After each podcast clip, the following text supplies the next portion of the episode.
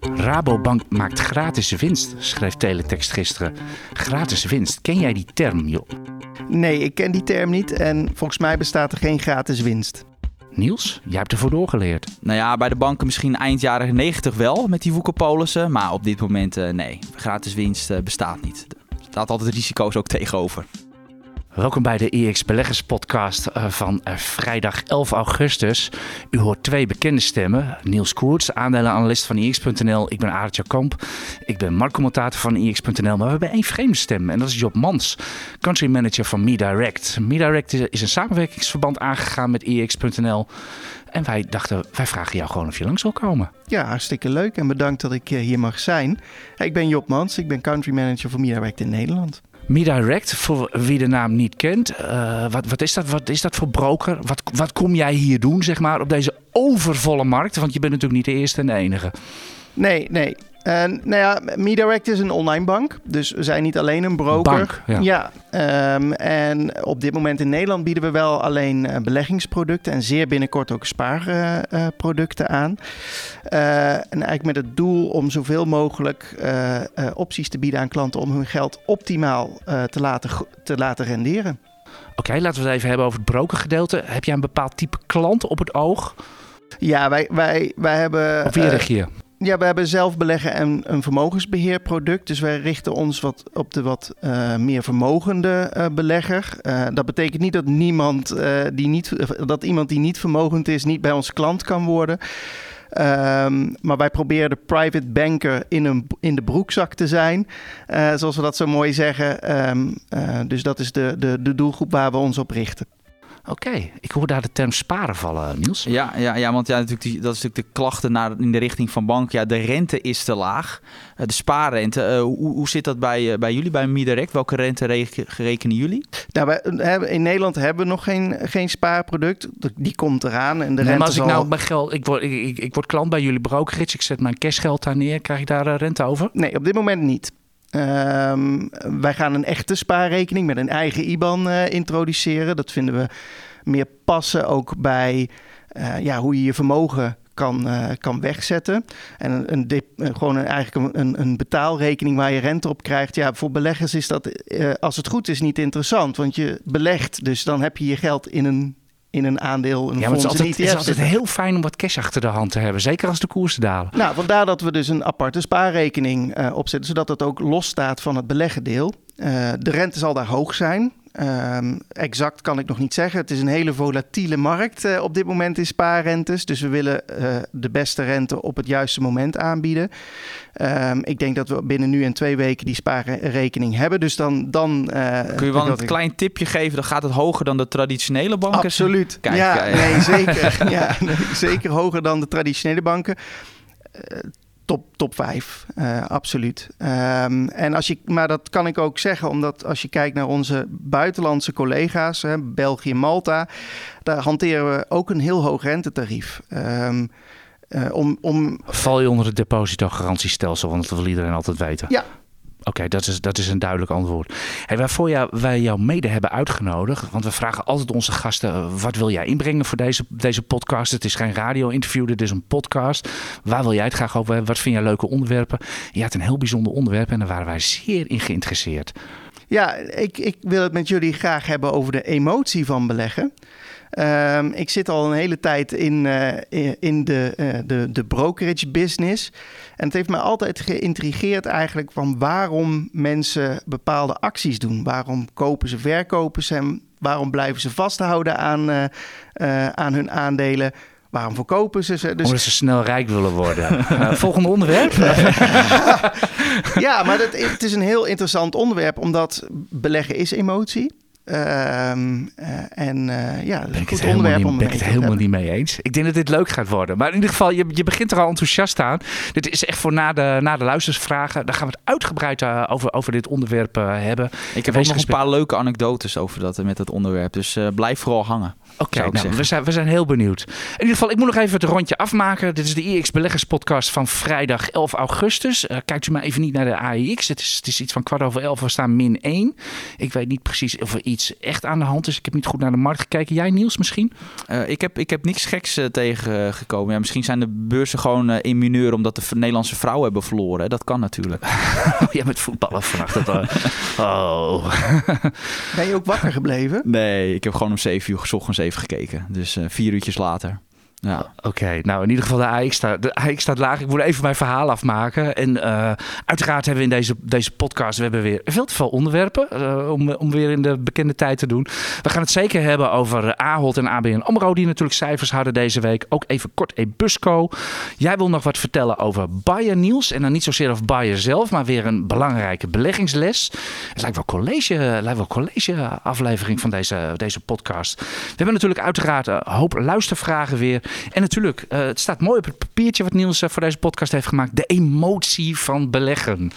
Dus wat daar allemaal bij komt kijken. Job gaat dat zo meteen uitgebreid vertellen. En eh, we gaan maar kijken wat het oplevert. Jongens, de brede markt deze week. Wat, wat is jullie opgevallen? Nee, ik vergeet nog wat. Dat is altijd, wij willen weten waar jij zelf in belegt, Job. Want dat hebben wij nog helemaal niet gehoord. En Ja, dat nou, wil natuurlijk iedereen weten. Beleg ja. jij privé? Eh, Ik beleg zeker privé, ehm, maar ik beleg niet in individuele aandelen. Eh, ik beleg in ETF's. Ehm, en waarom doe ik dat? dat? Dat is eigenlijk het onderwerp wat we straks bespreken. Ik kan ontzettend slecht omgaan met de emotie van het kopen van individuele aandelen. Ehm, eh, dus vandaar dat ik in, in ETF zit. Kijk eens Lekker aan. Bespeur ik, bespeur ik hier enige zelfkennis? Eh, Nou ja, eh, het bestuderen van de emotie van eh, beleggen heeft mij geen windeieren gelegd. In die zin dat ik dat eh, wel van mezelf eh, eh, gezien heb, ja. Oké, dat is eigenlijk wel heel erg leuk om te horen. Een directeur van een broker die zegt van nou, individuele aandelen, nee, het is niet voor mij. Dat vind ik, dat vind ik eigenlijk wel heel bijzonder. Niels, heb ik alle onderwerpen gehad? We hebben natuurlijk ook nog de snelle ronde. Eh, we, we hebben nog even het bekende TA-hoekje op het eind. En Absoluut. ik denk dat we maar even heel snel naar Ja. de brede markt moeten gaan kijken, zoals wij dat noemden.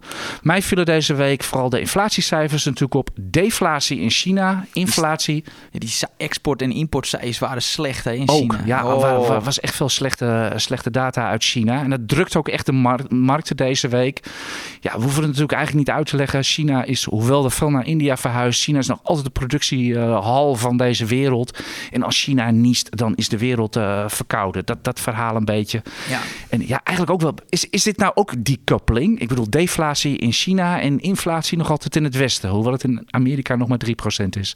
Ehm, ja, kijk, er is natuurlijk wel een reden waarom het bij China deflatie is. Als het vaak, wat je vaak ziet als het economisch eh, verzwakt, eh, dan zie je vaak ook dat, eh, dat de inflatie eh, omlaag gaat. Dus ehm, ja, wat de achterli- verder de achterliggende is oorzaak gewoon is. old school uh, Ja, economieles. Ja, natuurlijk, dat speelt gewoon mee. En, ehm, maar ja, in VS komt het af, Europa nog te hoog. Ehm, maar wel, op zich zag ik wel de markten relatief positief reageren op, op die inflatiecijfers... die toch iets lager uitkwamen dan eh, verwacht. Job, eh, jij zit veilig in trekkers. Eh, hou jij ook echt de economische ontwikkeling bij? Hou jij echt dagelijks de beurs bij? Ja, eh, maar puur uit interesse dus. Ehm, ehm, ik ben een, een favoriet volger van deze podcast en, en lees jullie, jullie website natuurlijk ook heel vaak. Ehm, wat, ik, wat ik bij China wel interessant vind, is je, je zag bij de post-COVID dat, je, dat die export-importcijfers eigenlijk wel omhoog. Zou je omhoog verwachten, hè? dat eh, China gaat weer open. Ehm, nu, nu valt dat tegen. Denken jullie dat er dan ook een, een, eh, een onderliggend kwaad zit? Dat er nog meer achter zit? Nou ja, kijk, eh, een, een ding is natuurlijk, maar dat is altijd een heikel thema, is natuurlijk in China is die vastgoedmarkt. Eh, dat is natuurlijk wel een, een heel groot risico. Ja, vandaag is er wat dat betreft ook weer een nieuwtje. Hè? Dus Ja. er is weer een Chinees vastgoedfonds die in de betalingsproblemen heeft. En het is inmiddels een pennystock. Welke is het? Eh, ik, ben, ik ben de naam even vergeten. Eh, eh, Orange Garden. Nee, oké, Garden, Ga- Ja, want je Garden- hebt, Country, even- Gar- Country oh. Garden. Ik ben de na- hij staat in mijn morning call van deze ochtend op ix.nl. Daar staat het met een hele nare grafiek. En Ja. En dat is, ze kunnen hun coupons niet betalen. Nee, klopt. En natuurlijk vaak Chinezen, vaak hun, hun vermogen zit vaak ook vaak in een tweede woning. Er zijn relatief, eigenlijk waar we hier in Europa of in Nederland te weinig huizen hebben, hebben we daar juist weer te veel. Dus dat is wel een, een, een, eh, mogelijk risico. Omdat ja, we hebben bijvoorbeeld gezien in 2008, 2009, die crisis dat begon in de VS met die huizenmarkt. Ja, in China, als er iets met die huizenmarkt gebeurt, kan dat ook... Uh, ja, ik denk dat het zeker voor de sentimenten heel belangrijk is. Want je, want je zegt het al, de Chinezen hebben een vermogen zitten in spaargeld en in huizen. Want kijk je naar de beurs, ik, ik heb daar afgelopen week, daar komen deze podcast nog op terug over beleggen in India en China echt, als je kijkt naar de Chinese beurs, de, de Chinese economie in de afgelopen 30 jaar, nou ja, uh, dat, is, dat is een wonder. Maar de beurs heeft echt helemaal niks gedaan. Echt niks. Dus uh, dat, is wel heel, dat is wel heel opvallend. Nee, economische groei is wat anders dan uh, ook groei van je aandelenportefeuille. Ja, dat is niet, en, ver, en, verder hoe die ja. eco Chinese economie er, eronder uitziet, de staatshuishouding. Ik heb geen flauw idee. Jullie wel? Het is echt een raadsel voor mij hoor, China. Een black box, ouderwets. Ja, ik, ik beleg er ook niet, dus, uh, dus vandaar. Moeten we verder nog iets over die brede markt uh, opmerken of zo? Maar gewoon naar de aandelen gaan. Want ja, we zitten toch in, nog in het cijferseizoen. ik denk dat dat wel het leukste is. Ook en omdat we per saldo ook redelijk zijwaarts zijn gegaan. Dus uh, gewoon naar de aandelen, want daar was, valt genoeg te bespreken. Ja, zullen we met ABN AMRO beginnen of Ahold? We begonnen ehm, met de banken, dus laten we maar met de banken beginnen. Het waren hele mooie cijfers van, uh, van ABN AMRO. Dan denk je, we zitten in, in, in een recessie. En dan denk je, oh, dat is huilen met de banken. Want al die slechte leningen, dat zeggen ook de economieboekjes. En ze maken geld vrij uit... Oh, ik begin er zelfs, ik begin er zelfs van, van consum, met consumptie van te praten. en ze, het zit je hoog. Ja, en ze, ik, ik, kijk er echt van op. En ze maken zelfs geld vrij uit, uit de stroppenpot. Niels, je hebt er goed naar gekeken. Um, ja, nou ja, wat eigenlijk opviel, inderdaad, netto winst veel hoger dan verwacht. Doordat ze inderdaad uit de stroppenpot geld halen. Dat is positief. Rentemarge omhoog. Um, maar de koers omlaag. Dus is uh, de, echt de, slechtste performer deze week binnen de AEX. En ja, wat is een van de, van de redenen dat ze geen uh, nieuw aandelen inkoopprogramma aankondigen. Dus, uh, en daar had de markt wel op geregen, gerekend.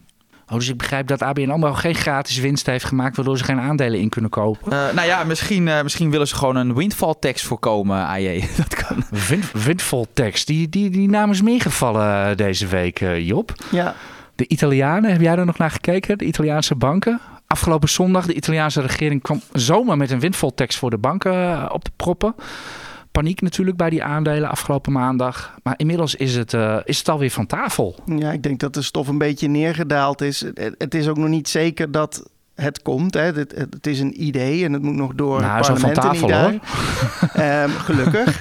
gelukkig um, zeg jij, ja. Ja, ik... ik wat, wat, wat, vind jij van het principe windfall tax? Nou, ik begrijp waar het vandaan komt. Hè. De, um, uh, en dat, dat lees je nu ook in het FD vanmorgen. Uh, dat uh, ja, de, de politici vinden het toch niet te verkroppen... dat er hoge winsten worden gemaakt door, door deze grote banken. Hè. en en bij, net als bij ABN AMRO, voornamelijk gedreven door uh, renteinkomsten ja, gewoon lage, lage spaarrentes, ja. hoge, hoge andere rentes. En um, um, ja, dat, daar kan ik me wel iets in vinden. Hè. Dat, dat, dat voel, als, als ik klant van ABN AMRO voelt dat natuurlijk heel erg naar. Um, maar om daar een, een, belasting voor te heffen, ik weet niet of dat de juiste oplossing is. Ik, ik, kan, me, ik kan me er iets bij voorstellen. Maar het, pro maar ja, het, het, probleem is, is, natuurlijk ook dat, dat je. Er komen ook weer. We zijn voor banken uit een vrij slechte periode van hele lage rentes. Dus er vindt eigenlijk ja, een soort van. de spaarrentes bijgepast ja, zelfs. En we komen uit een hele slechte situatie. Gaan we naar een normalisatie. Daar profiteren banken van. Dan is niet ineens de winst extreem hoog. We gaan, de winsten waren in het verleden echt heel laag. En we komen, er komt spreekt nu een normalisatie treedt op. Dus ja, die overwinsten waar media het over hebben, heeft zonder om te onderbouwen. Er is gewoon, ja, het ze nemen het gewoon van elkaar over, inderdaad. Ja. Er is, een, er is, er het is, is iemand die korte termijn kijken. Hè? Dus ja. het is korte termijn winst. Uh, en, en dan moet dat dan. Ja, maar het is, het is, helemaal, geen, het is helemaal geen overwinst. Het is niet zo. We hebben het nu over ABN Amro dat daar ineens uh, het geld door de, door de ramen naar binnen waait. Want anders waren ze ook wel even wat aandelen gaan inkopen nee, met deze daarom, waardering. De mensen die spreken van overwinsten moeten gewoon even kijken naar de koers van ABN Amro en ING over de afgelopen 25 jaar. Dan weet je één ding beleggers hebben geen overwinsten gemaakt. Dus, uh, dus uh, nee, dus dat, dat is veel te kort door de bocht. Oké, ik, ik, vind over, ik vind overigens zelf dat een windvoltekst vind ik onbetrouwbaar bestuur. Zoiets komt gewoon uit de, uit de lucht vallen. We hebben gewoon afspraken met elkaar. Dit is de belastingwetgeving, zo luidt het en zo gaat het. En dan moet je daar niet ineens van af, uh, afwijken. Want dan gaan uh, ondernemers en het kapitaal vlucht uiteindelijk gewoon land uit. Nou, en het, dus, is de, het is de vraag inderdaad, als je een belasting heft, komt het dan terug bij de consument? Dat is de, natuurlijk de betrouwbaarheid van je overheid, waar je vanuit moet gaan. Maar dat is wel de vraag die je, je af moet, uh, die je moet stellen. Nou ja, geeft geld aan Hugo en het waait wel weer het raam uit. nou ja, heel flauw gezegd, ja. Maar um, het, het, het, is, het is een vraag. Dit is, een, dit is de aloude vraag. Wat doe je met belastingen? Maar ook, is dan belasting, uh, de bela een belastingheffen de juiste prikkel om, uh, om die rentes omhoog te krijgen? Ik denk dat de klanten meer bijgebaat is dat de banken hun rente omhoog gooien. Ja, nog even Niels, jij weet waarom de banken de, de rente niet zo snel verhogen. Nou ja, kijk, een hele belangrijke oorzaak is onder andere is dat zij ook veel geld langlopend hebben uitgeleend. Uh, en dat is vaak tegen relatief lage rentepercentages. Dus als jij dan nu ineens je korte rente omhoog gooit, dan kan je op, zal je op dat soort leningen gewoon praktisch geen, geen marge meer maken. Dus dat, speelt, dat is echt een heel belangrijk iets. Omdat ja, als jij geld lang hebt uitgelegen tegen lage rentes, kun jij niet zomaar die rente om, uh, omhoog gooien. Ja, nog even over, over ABN AMRO als belegging, want daar moeten we het natuurlijk ook nog over hebben. Onze analist Martin Krum, ik, uh, hem al lezen, had ik zoiets van, het is een beetje piek ABN AMRO misschien nu wel. Hè? De koers is lekker gegaan, het bedrijf draait nu lekker.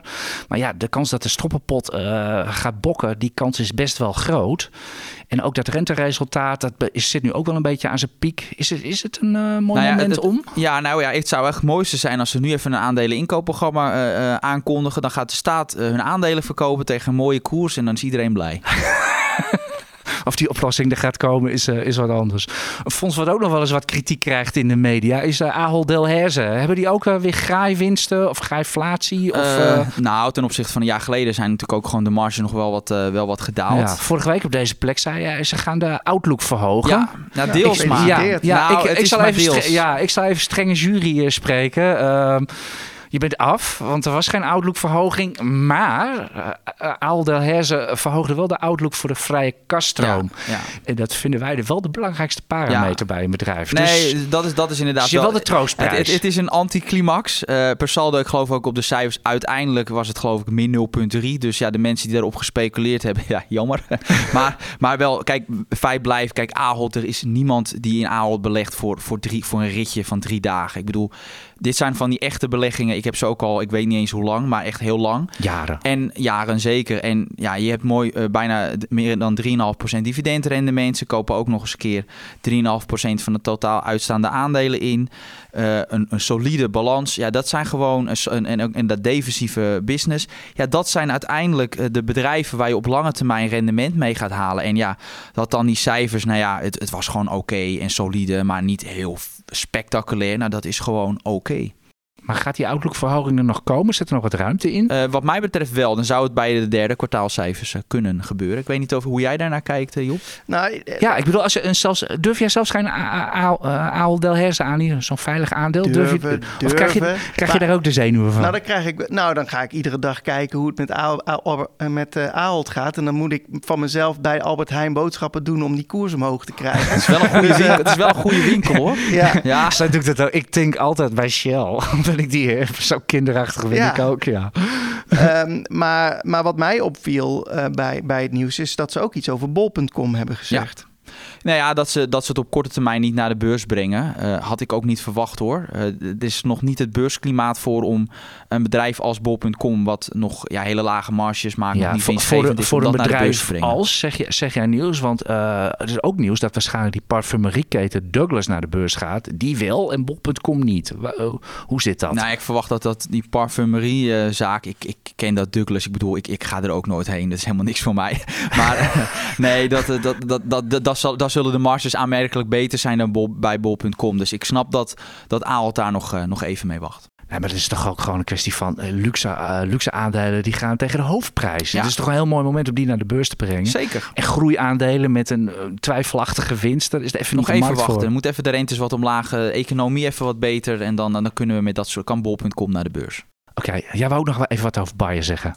Ja, nou ja, de cijfers aan zich waren drama. Uh, ik, onze analist uh, Martin Krum die had het geloof ik over bar slechte cijfers. Nou, dat, is, dat geeft treffend weer. Bayer slechte cijfers? Ja.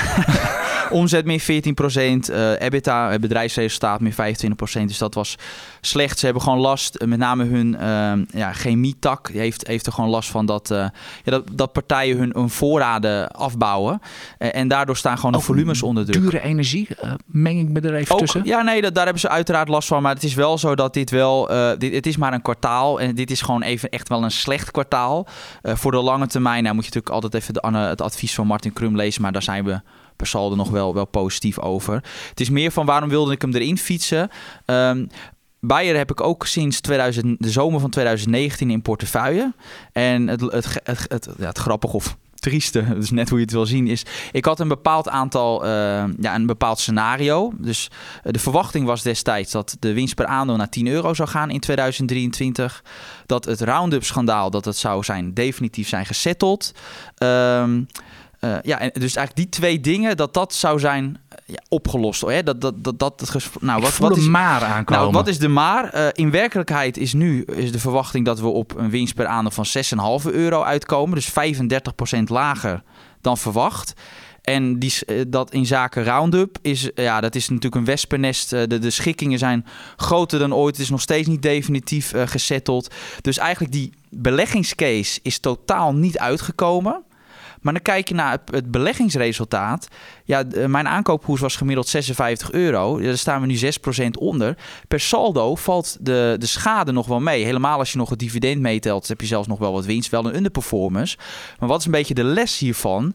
Um, het voordeel, de waardering destijds was al dusdanig laag. En daarom hou ik ook van relatief bedrijf met lage waarderingen. Dat je kan permitteren uh, dat het tegenvalt. En bij Bayern is ook een extreem scenario, maar dat het extreem tegen zit. Ben je nu niet een slechte belegging heel erg aan nee, het terecht praten? Nee, nee, maar het is meer van je hebt een bepaalde casus die niet uitkomt. Maar omdat je dus een lage prijs betaalt met een hoge veiligheidsmarge, heb je dus meer ruimte voor tegenvallers. En dat zie je dus nu ook bij Bayer. Want bij Beyond Meat is ook zo'n bedrijf dat het totaal niet waarmaakte. Maar daar staat min 90% En daarom zie je ook, uh, blijkt ook uit alle boekjes, dat als jij gewoon een, een, een, een bedrijf met lage waardering de lelijke bedrijven, Bayer is daar dan weliswaar een uitzondering op, maar dat die het vaak op lange termijn beter doen, omdat je dus een groter aandeel in de winst krijgt. En daardoor uh, is er dus, heb je dus meer marge op, uh, op te, voor tegenvallers. Dus uh, ja, dat wilde ik wel meegeven. Daarom hou ik dus van die, van die laag gewaardeerde bedrijven. Ik, ik heb nog een variatie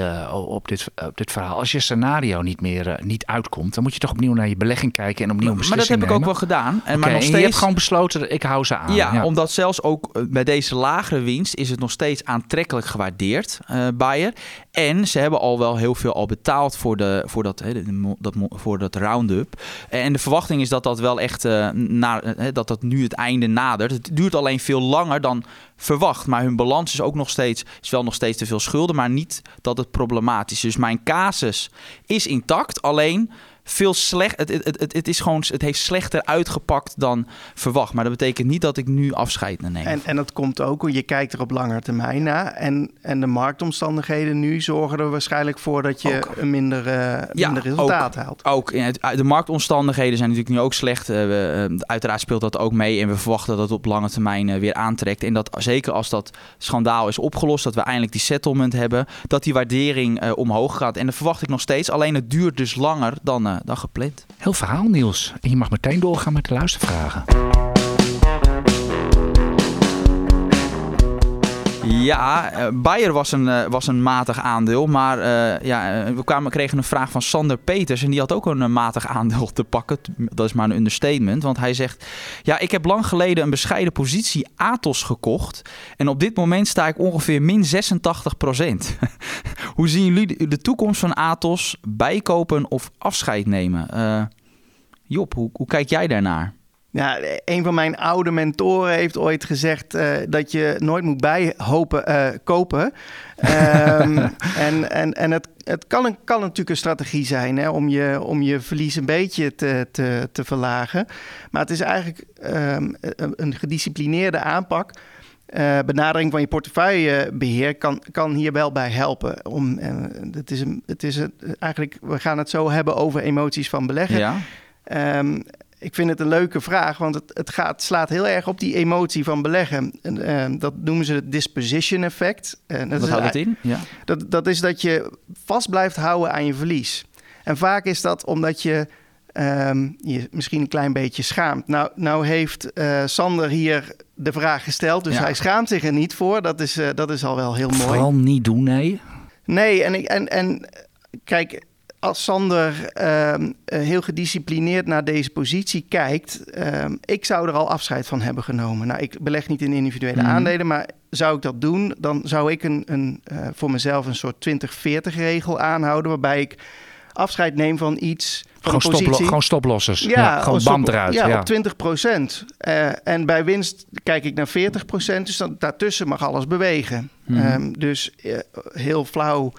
Als ik deze vraag uh, kort door de bocht zou moeten beantwoorden, zou ik zeggen verkopen. Ja, kijk, in dit scenario heeft het natuurlijk wel goed uitgepakt. Alleen probleem is met stoplossers werken. Kijk, soms kan ook een aandeel hard zakken terwijl daar geen reden voor is. Terwijl het fundamenteel nog wel sterk is. En dan is dat altijd uh, lastig. Dus altijd de reden waarom ik de, ja, eigenlijk nooit stoplossers gebruik als fundamenteel analist. Hoe kijk jij daarna, AJ? Uh, naar deze discussie of naar het aandeel? aandeel, aandeel Atos. Want je had even de grafieken erbij ja, gepakt. Ja, ja, moest, ik moest in, de, in de gauwheid heb ik, de, heb ik nog even snel naar gekeken voor, voor, deze, voor deze uitzending. Maar het was heel gauw, maar ik ben me wel rot geschrokken. Uh, Atos is gehalveerd in uh, de, deze maand. Uh, gewoon van 14, naar, van 14 naar 7. En ik even, kijk even heel snel in de, in de nieuwsberichten. En dan kwam ik een aantal namen tegen. En ja, daar word ik, dat doet mij niet heel veel vertrouwen. Ten eerste, er is een dochter van Atos. er is van alles mis dus blijkbaar bij dat bedrijf. Er moeten onderdelen verkocht worden. Waaronder een onderdeel wat onder meer met de nucleaire deterrence. Dus de afschrikking van Frankrijk. Dus gewoon echt heel belangrijk voor dat land te maken heeft. En er zit ene Daniel Kretinsky in. Waar kennen we die ook alweer van? Ja, van, ja, PostNL. Van, van PostNL. Die heeft een handje van slechte aandelen selecteren. Ja, dus en, uh, dat is geen goed en teken. Dus heel Frankrijk is nu panisch dat de, de, ja, de, zeg maar de nucleaire sleutels in handen van die Tsjech komen te liggen. Dat is een beetje de discussie in Frankrijk. Parijs, het Elysée, alles zit er bovenop. En uh, nou, ik zei het al, gehalveerde koers. Ik zou hier maar even wegblijven. Uh, en als ik de aandelen zou hebben, denk ik... Ik heb me er niet voldoende in, in verdiept, maar ik ben geneigd te zeggen van wegwijzen hier. Oké, we gaan nu door met een vraag van André Den Hartog. En die vraagt, heren, hoe kijken jullie aan tegen beleggen in opkomende landen als China en India? Ja, waarom niet zou ik zeggen. Maar um, het is wel belangrijk dat je moet begrijpen waar je in belegt. We hebben het net uh, bij de macro-analyse al gehad over China. het, is, het, het, is best wel ver van ons bed. en, en je moet begrijpen wat daar speelt. Maar als je je daarbij comfortabel voelt, ja, dan moet je, moet je, moet je dat gewoon doen. Um, maar ik denk wel dat je heel goed moet inlezen altijd in waar je, uh, waar je in belegt. Denk je nou, ja, ik wil wel in China beleggen, maar ik ga niet individue individuele aandelen in China beleggen. Dan kan je altijd natuurlijk overwegen om een ETF uh, te gaan. En hoe, hoe, hoe, zie jij dat? Daar heb ik van de week naar gekeken. Ik zou zeggen, ga dat ook even, even lezen als u het over, overweegt om in India te gaan beleggen. China? Uh, ja, nou, ik heb vooral naar India gekeken. Okay. Omdat ja, China is misschien al wel wat bekendere adres. Dat kunt u gewoon in mijn Twitter-timeline van gisteren vinden. Het staat ook op ex.nl, beleggen in India. Ik ben er eigenlijk wel een beetje van geschrokken. Die Indiaanse beurs, die doet echt fantastisch. Ik heb echt naar de MSCY-indices gekeken. He, dit, dat zijn indices die zijn allemaal op dezelfde manier uh, samengesteld voor, voor ieder land. En India is natuurlijk een emerging market. En ja, die doet, beter, doet twee keer beter over de afgelopen 20 jaar dan uh, de S&P 500. Nog beter dan de AX. Nou, dan denk je, dat is hartstikke leuk. Die, die, Chine of die Indiaanse economie die is echt aan het boomen. Ze nemen de, productie uh, over van, van China. Uh, timmeren internationaal op alle mogelijke manieren aan de weg. Vul dat in. Dat maakt het heel aantrekkelijk. Maar dan kijk ik even goed naar die index en dan ben ik van geschrokken. Ik bedoel, als een index meer dan 20 keer de winst noteert. Is meer dan de S&P 500. En die bestaat voor een kwart uit banken en maar voor 10% uit tech. Ja, dan word ik een beetje, daar krijg ik het benauwd van, uh, Niels. Als we ja. dit soort waarderingen voor banken gaan betalen, in het Westen is dat de helft, nog niet eens. Nog geen tien keer de winst doen hier de, hier de banken. Dan denk ik van, uh, oei, wat gebeurt ja, hier allemaal? Is, nee. dit, is dit een bubbel? En ja, nog even iets, er zit er ook nog een roepie onder en die is al decennia aan het dalen.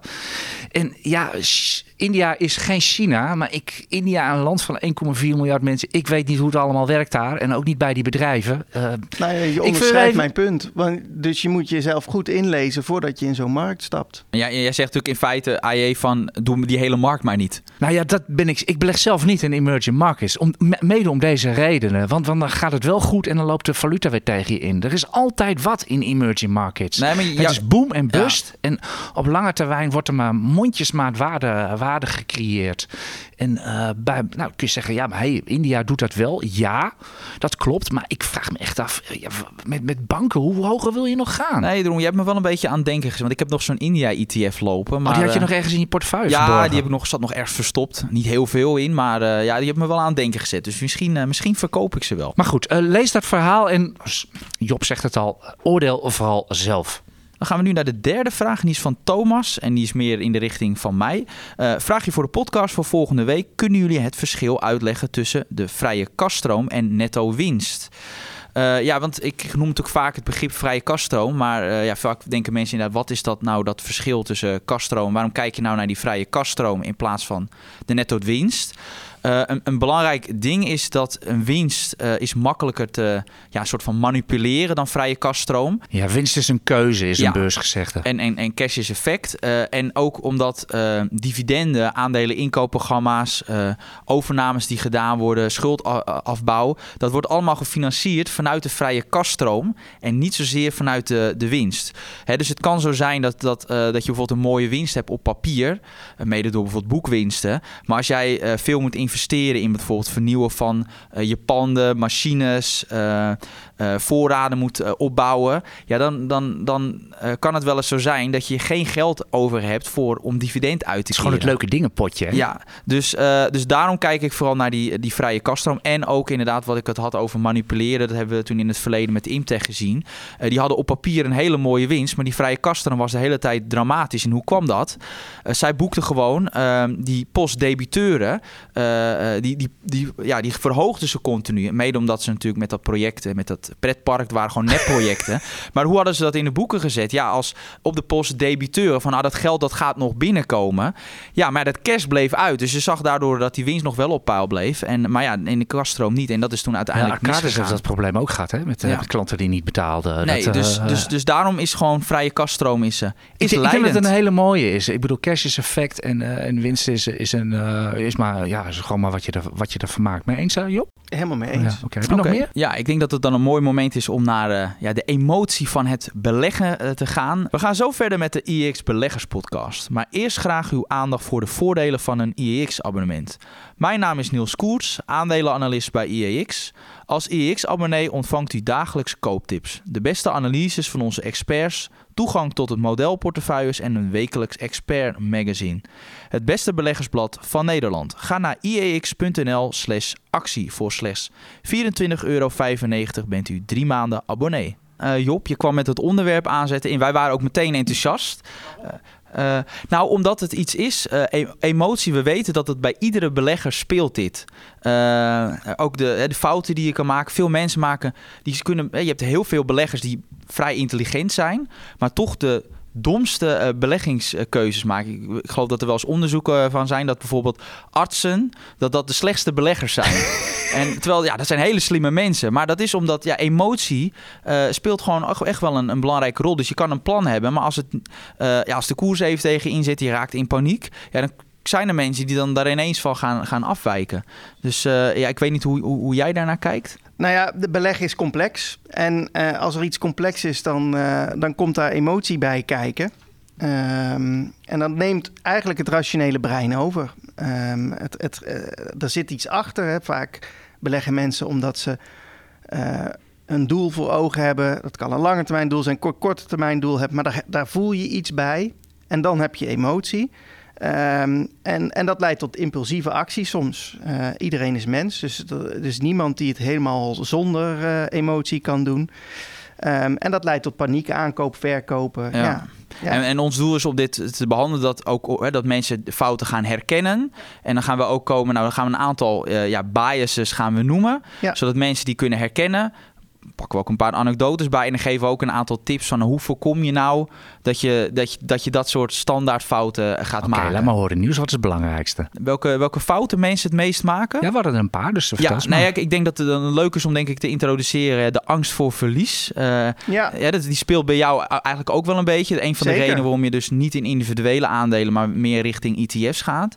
Kun je, kun je daar wat over vertellen? nou ja, ik, als ik kijk naar mezelf. Ik, eh, als ik aandelen koop, als ik, een, ik heb natuurlijk in het verleden wel individuele aandelen gekocht. Ik bedoel, zit er, ik, ik, dat is ook leuk, hè? Het, het- je moet het ook voor de lol doen. Ehm, maar wat ik aan mijzelf merk, is dat ik dan ieder moment van de dag ga kijken hoe mijn aandeel het doet. En dat is Het belemmert je in je functioneren gewoon. Nou, dat vind ik Nou ja, oké, vergaand, dat gaat steeds- maar het- Het vreet te veel tijd het en energie. tijd. En daardoor krijg, word ik er gestrest van. En dat, dat, ja, als je dan even een soort van zelfreflectie doet... denk van, ja, waarom doe ik dit dan? Ja, dan, dan is dat omdat ik bang ben... dat dat aandeel als een plumpudding in elkaar eh, eh, valt... en dat ik er dan te laat bij ben. Dus ik wil heel graag dat verlies voorkomen. En je bent er ook echt niet in de enige hoor, want er zijn ook wel onderzoeken naar gedaan dat gemiddelde mensen hebben meer oog voor bedreigingen dan voor kansen. En dat stamt echt uit de tijd van de jagers en verzamelaars. Eh, ja, daar waren mensen alleen maar bezig met, eh, met bedreigingen. Ehm, en, eh, en, en ja, dat, dat is gewoon in de evolutie ja, blijkbaar toch gewoon zo doorgegaan. En dan, dan zie je dus dat vaak voor een verlies 2,5 keer zoveel pijn doet dan hè, qua gevoel dan een gelijksoortige winst. En dat is, dat is vrij apart. Eh, en, en daarom zie je vaak ook dat, ehm, eh, dat ook als we bijvoorbeeld een bepaald... In, Dus, dus zeg maar, we laten drie tranen voor iedere juich. ja, en daarom is vaak ook dat koppen van artikelen zijn vaak gericht op bedreiging, omdat mensen daarop gaan klikken. Eh, dat zien wij ook altijd in de luistercijfers. Ik had bijvoorbeeld een stuk op Pfizer van resultaten volledig ingestort. Dat is beter gelezen dan Ahold, snap je? Dus terwijl, ja, dat zou je niet verwachten, eh, maar dat is dus wel het geval. Dus mensen zijn daar echt wel op... eh, Ja, als we op de, als we op Ja. de site zetten, BC gaat naar nul, dan weten we dat we heel veel traffic hebben. dus, dus dat is, het is inderdaad iets wat meespeelt. En, eh, ja, en ik denk ook wat, wat je, het gevolg daarvoor is dat je vaak ook aandelen langer vasthoudt die in het verlies staan, omdat we dat verlies maar niet willen nemen. Ja, dat hebben we net eigenlijk Ja. besproken. Ehm, je ziet dat, dat mensen dan inderdaad zich er ook een klein beetje voor schamen. Ehm, en dan houd je die positie aan. Werkt het ook niet eh, bij een, ik denk een kleine doelgroep hoor, maar ik heb dat zelf altijd met oud-optiehandelaren heel erg gemerkt. Er zijn ook mensen die moeten adrenaline in de aardig hebben. Absoluut. Die moeten gewoon risico hebben, anders kunnen ze niet Nee, functioneren. Er zijn ook dat- vaak gokkers. Ja. Eh, Ja, oké. en dat, dat wordt natuurlijk extra speelt het op. En dan gaan we naar die tweede bias, te veel zelfvertrouwen. Ah. Op het moment hè, dat het heel goed gaat, eh, dat heb ik in de jaren negentig gezien. eh, nou, ja, toen, toen dachten mensen van, nou ja, eh, er kan niks fout gaan. Dus we gaan lenen tegen 10% om dat maar in aandelen te stoppen. Want aandelen doen toch wel 20% per jaar. Eh, ja, dan zie je dat gebeuren, dat mensen juist weer heel veel risico's eh, nemen. Ik denk dat dat Ja. ook het gevolg is. Ja, je overschat eigenlijk het potentiële rendement. Dat is wat, wat je doet. En het is ook leuk om op, eh, in de kroeg te Weet- vertellen ja, weet, je, over, weet je, eh, weet je over dat, hoe weet je goed dat, het, het weet je dat het ook nooit overgaat, dat, dat, die zelfoverschatting? Ik heb het zelf ook. Ik heb ooit in 2009 heb ik echt de bodem gebeld van in, de- in de markt. Dus ik dacht van, nou, ik bel ook de bodem in de obligatiemarkt wel even in 2015. Toen ging Ah, je ah, verder naar beneden. ah, ah, die ging helemaal, die ging Ja. helemaal mis. En was eind vorig jaar, toen kocht ik ASML echt precies op de dag dat het het laagst was. Dus eh, was ik ook weer helemaal mannetje. Ik dacht van, nou, dan vis ik Tesla ook wel even op op de bodem. En dat, Ah, ging, ah. dat ging iets minder. Nee, maar en ik heb het zelf die fout ook gemaakt. Ik bedoel, in, toen ik een jaar of eh, 18 was met die Zwitserse frank. Ik, ik, ik speculeerde continu op een stijging van die Zwitserse frank. Met dikke turbo's erin. Eerst met wat Hoge lage hefbomen bedoel je? Nou, het begon laag, maar dat ging maar goed en goed. Toen dacht ik, nou, er gaat nog meer geld in een nog hogere hefboom. Totdat het nieuws kwam dat die Zwitserse frank werd gekoppeld aan de euro. En toen was ik in één koerstik 20% van mijn beleggingsportefeuille kwijt. Auw. In dat één was niet- koerstik? in Ja. één koerstik. En dat was niet alleen maar mijn beleggingsportefeuille, maar ook die van mijn vader. En dan is het iets dat je dan nog even moet gaan uitleggen. Ik weet nog wel. Ik heb daar twee weken mee gewacht om daar een goed verhaal voor te verzinnen. Dus eh, en dat is echt de grootste blunder die ik ooit, ooit heb gemaakt. Ja, maar dit, en dit, daar dit heb is, ik echt ja, veel maar dit is een heel veel voorkomende. Hè? Je, denkt, je, je hebt een trucje, je, je- iets werkt en eh, dat gaat goed. En, en dan, hè, dat gaat nog een keer goed en dan ga je er meer geld op inzetten. Op een gegeven moment denk je dat je het snapt en beter weet. Ja. Ga je er nog meer geld in zetten, nog meer risico. En dan op een gegeven moment, gevaar op de en op een gegeven moment dan, eh, ja, dan valt die guillotine in je nek en dan, ben je, en dan ben je, sta je weer op nul. Ja. Ja, en dat is een hele duidelijke. Maar we hebben er nog één. Kuddegedrag. Ja, Nou, die is ook denk ik wel, eh, ja, als, als je het hebt over uh, aandelen, maar ik misschien ook wel de cryptomarkt, als we het hebben over kuddegedrag. Zeker. Ah, is toch overal, is niet alleen crypto. Ja, dus Nou, echt ik- FOMO. Kijk, ook die, om weer die ene mentor te quoten. Als de buurman begint over je moet X, Y, Z kopen... dan is dat vaak een indicator om het niet te doen. Ehm, en bij crypto heb ik dat heel erg.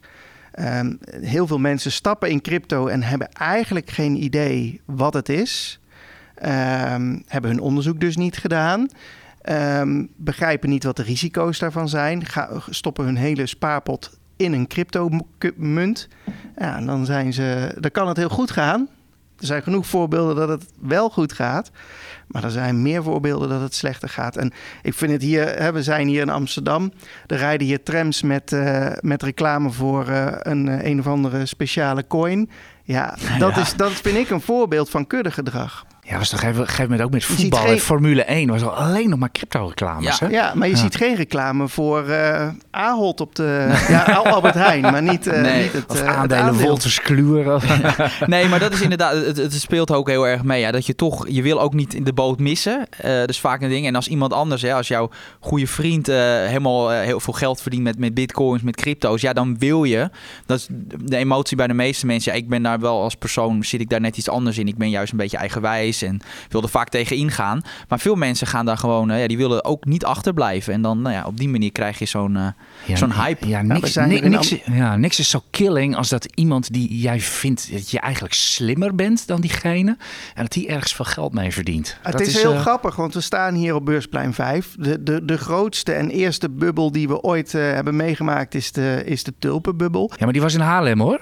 Ja, maar goed, als voorbeeld. Ehm, eh, wij lachen er altijd om van ja, waarom zou je nou in godsnaam een heel grachtenpand betalen voor een tulp? Maar eigenlijk is dat nog steeds het geval als je kijkt naar wat we doen met, met bijvoorbeeld crypto's. Ja, maar je ziet het ook met bepaalde aandelen. Ik bedoel, eh, op een gegeven moment vliegt ook iedereen weer in Nvidia. Of eh Ja, hè, noem de talloze voorbeelden maar op. Of eh, iedereen vlucht uit WeWork. Of, eh, nou ja. Nee, ja, dat is, dat is, het is gewoon een heel bekend fenomeen. Eh, ja, de vier die vind ik ook wel leuk. Eh, we hebben de vier pakken we er.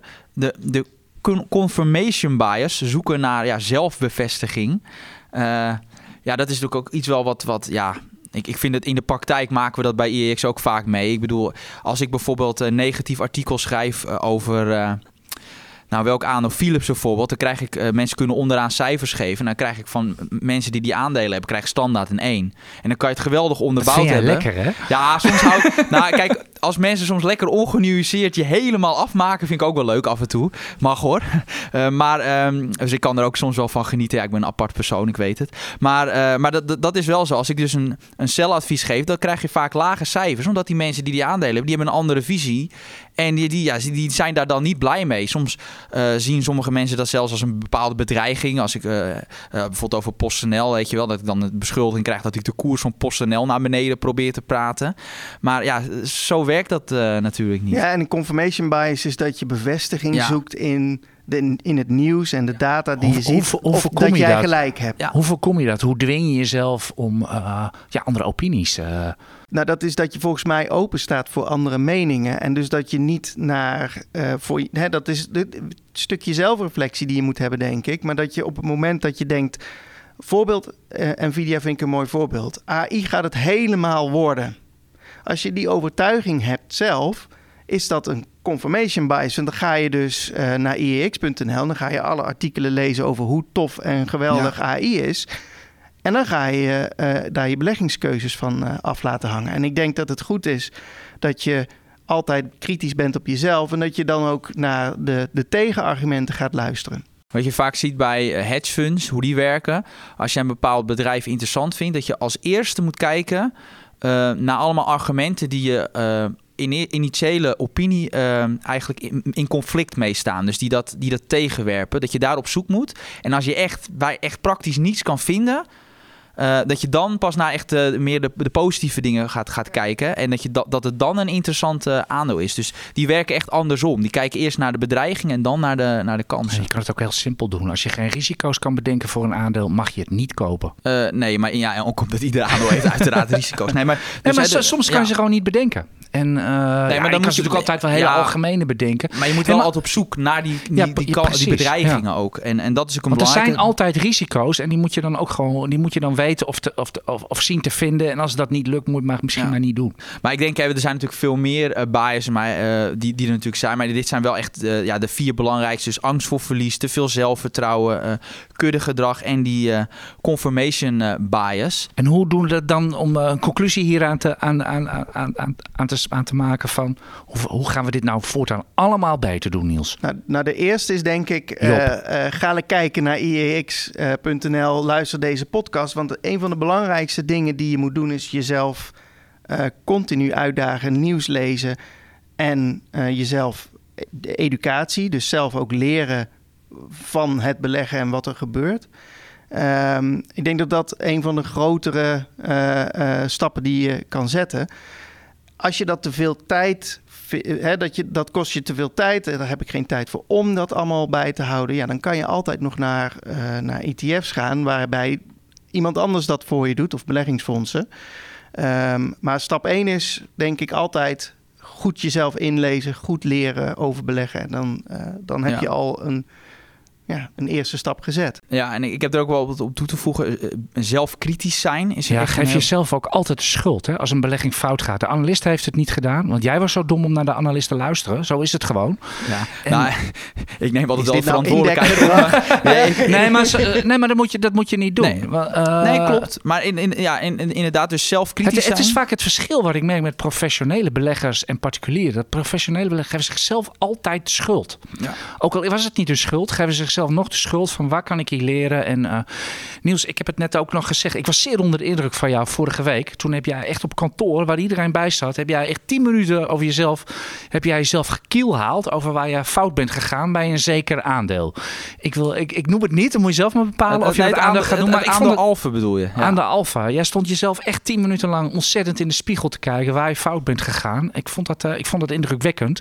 En ik denk dat je dan een, ik denk dat je een goede belegger bent als je heel kritisch op jezelf Waar heb ik mijn fouten gemaakt en hoe kan ik dat de volgende keer beter doen? Ja, precies. En, dan, en dan vervolgens dan is het weer een gezellige donderdagmiddag en dan jutten we elkaar op en dan zitten we voor we weten zitten we met z'n allen in Just Eat Takeaway, Niels. ja, nee, natuurlijk. Uh, maar ik, ik, was, ik was nog niet klaar. Ik wil oh, nog, sorry. Nee, ik wil nog wel wat toevoegen. Ook um, hoe, um, dat je jezelf, als je begint met beleggen, bereid je echt voor op teleurstelling. Want uh, de downswing die je gaat maken, dus het verlies, dat gaat altijd groter zijn in de praktijk je krijgt te maken met een downswing die groter is dan je je ooit kan voorstellen. En daar moet je wel van tevoren van bewust zijn.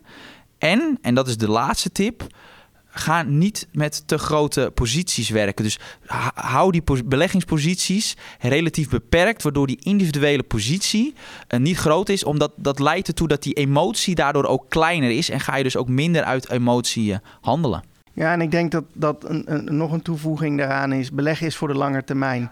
Uh, dus als je, als je een, een korte termijn daling hebt, dat moet je kunnen accepteren. Ik vind je voorbeeld van Bayer net heel mooi.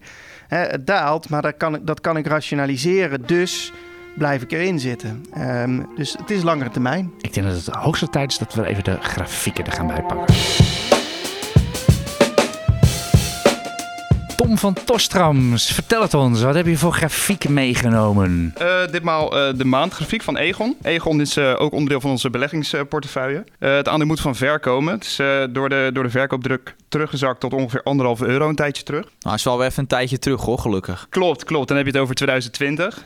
Uh, sindsdien zagen we een beweging opwaarts. Alleen um, ja, met name de laatste tijd is het zijwaarts gaan bewegen. Uh, we zien nu wel weer een opwaartse beweging richting de bovenzijde van die bandbreedte, rond 540. Uh, dat zou ook het eerste technische signaal zijn voor een verbetering. Alleen daarboven zien we rond 6 euro opnieuw weerstand. En um, ja, we willen eigenlijk dus die beweging boven die 6 euro uitzien komen. Voordat we echt spreken van een, uh, van een aanzienlijke verbetering. Ja, dus als je nu zou zeggen, zou je het aandeel uh, nu nog, zou je nu nog even, even afwachten met, met kopen? Vanuit technisch perspectief? Klopt. Ja, maar dat is ook het, het, het, grappige van inderdaad de methodiek. Want ik zou bijvoorbeeld boven 6 euro zou ik hem fundamenteel niet meer hebben. Maar jij zegt, ja. fundamenteel of uh, technisch uh, zien moet hij echt uitbreken boven de 6 euro. Dus echt nog wel 20% erbij. Voordat je echt een significant koopsignaal ziet. Klopt. Uh, de afgelopen anderhalf jaar beweegt hij zijwaarts. Ja, en met het bereiken van zo'n weerstandsniveau is het risico op een daling gewoon erg groot.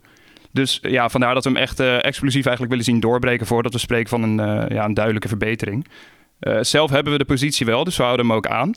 En een verzwakking spreken we echt pas van onder de 380. Dus dat is echt. Nou, dat is nog wel even ruimte. Klopt, dat is een duidelijke steunzone gevormd door meerdere bodems. Ik vind het wel een beetje kudde gedrag hier in deze podcast worden hoor. We hebben Niels natuurlijk altijd met de verzekeraars. Jij begint nu ook al. Ja. hey, nog even een ander aandeel. Ja. Uh, ik zag het gisteren op MarketWatch staan. Die kwamen met de grafiek van Nvidia. Ja. Die zeiden alarm, Nvidia is onder het 50-daagse gemiddelde gezakt. Uh, wat, wat moeten we hiermee? De mensen die in Nvidia zitten.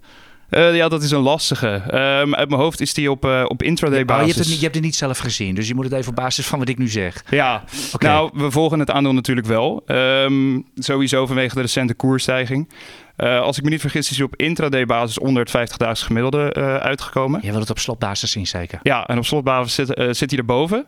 En een, een, recente oude top van eind vorige maand bevindt zich ook een beetje in die zone. Dus het is wel een interessant prijsniveau om te zien of er beweging kan ontstaan.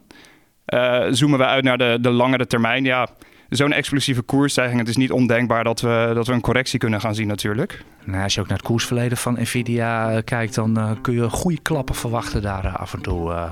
Klopt, klopt. En als je het over significantie hebt van, ja, van gemiddelde, de 200 daags gemiddelde, daar kijken we natuurlijk wat meer naar. En die bewegen momenteel zo'n 15% onder het huidige koersniveau. Dus als je het over correcties hebt, dan zou dat best een zone kunnen zijn waar die ja, bij een, een daling naartoe terug kan zakken. Oké, in ieder geval hou die aandelen goed in de gaten, maar dat deed u toch al. Tom, hartstikke bedankt. Job, ja, jij, Job jij ook bedankt voor, voor je komst en uh, al het sentiment wat je hebt meegenomen. Uiteraard, Niels natuurlijk jij ook bedankt en we zien elkaar volgende week weer. Dank u wel voor het luisteren naar deze IX Beleggers podcast en tot volgende week. Veel succes met beleggen.